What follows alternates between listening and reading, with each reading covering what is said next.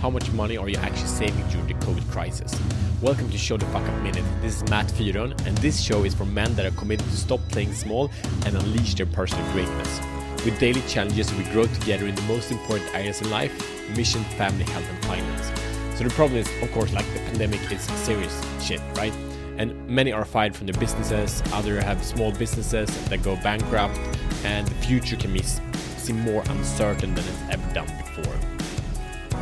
Big brands uh, are really struggling, and you know the shopping malls, no one is going there, right? So this means that we're living simpler lives. We're more at home, we drive less, uh, we see less temptations basically. And sure, we like movement, we miss a lot of people, and this is a major issue. But we also get to do kind of a stoic test. So experience how simple we can actually live. So what do we get out of this? So when I moved uh, from the capital of, of, Sweden, Stockholm, to the countryside a few years ago, uh, my consumption patterns changed dramatically. So you know, these times on the countryside, I just see basically nature and cows. That's it. So I don't have the opportunities for spontaneous coffee or some shopping. Uh, so we just, and in this moment of, of, the pandemic, we need to find new ways to take care of the needs that we before satisfied with consumption. If it makes sense. So for now, let's let's celebrate. Let's see what good does this actually bring. So what are you saving?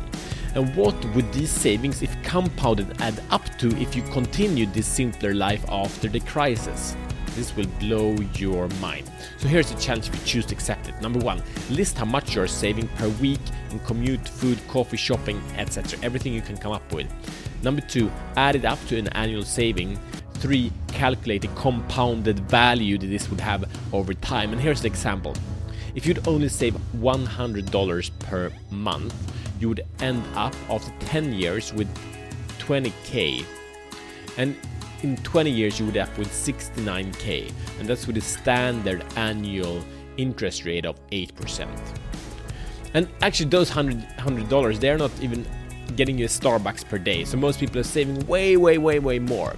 So if you would save only $500 per month, and you do that for 10 years, you would have 100k and if you would save for 20 years you would have 344,000 euros dollars whatever you choose to right so we'll add a link to a calculator how you can see how much your compounded savings from this pandemic actually are giving you so now it's time you know it's time to commit take action 24 hours to figure out how much money you're actually saving in this and what you can give for that over a long time and this show is new, and if you like this, if you like the daily challenges to grow together with like minded people, please subscribe. Please review and give us some love by, by giving it a, a rating. It means so much if you appreciate this.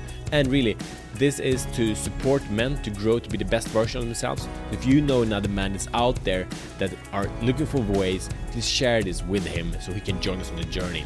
And I'm really excited to announce that the 16th of April we're launching the community for daily accountability. Other men, other like minded will hold you accountable daily to show the fuck up. See you soon uh, as better men.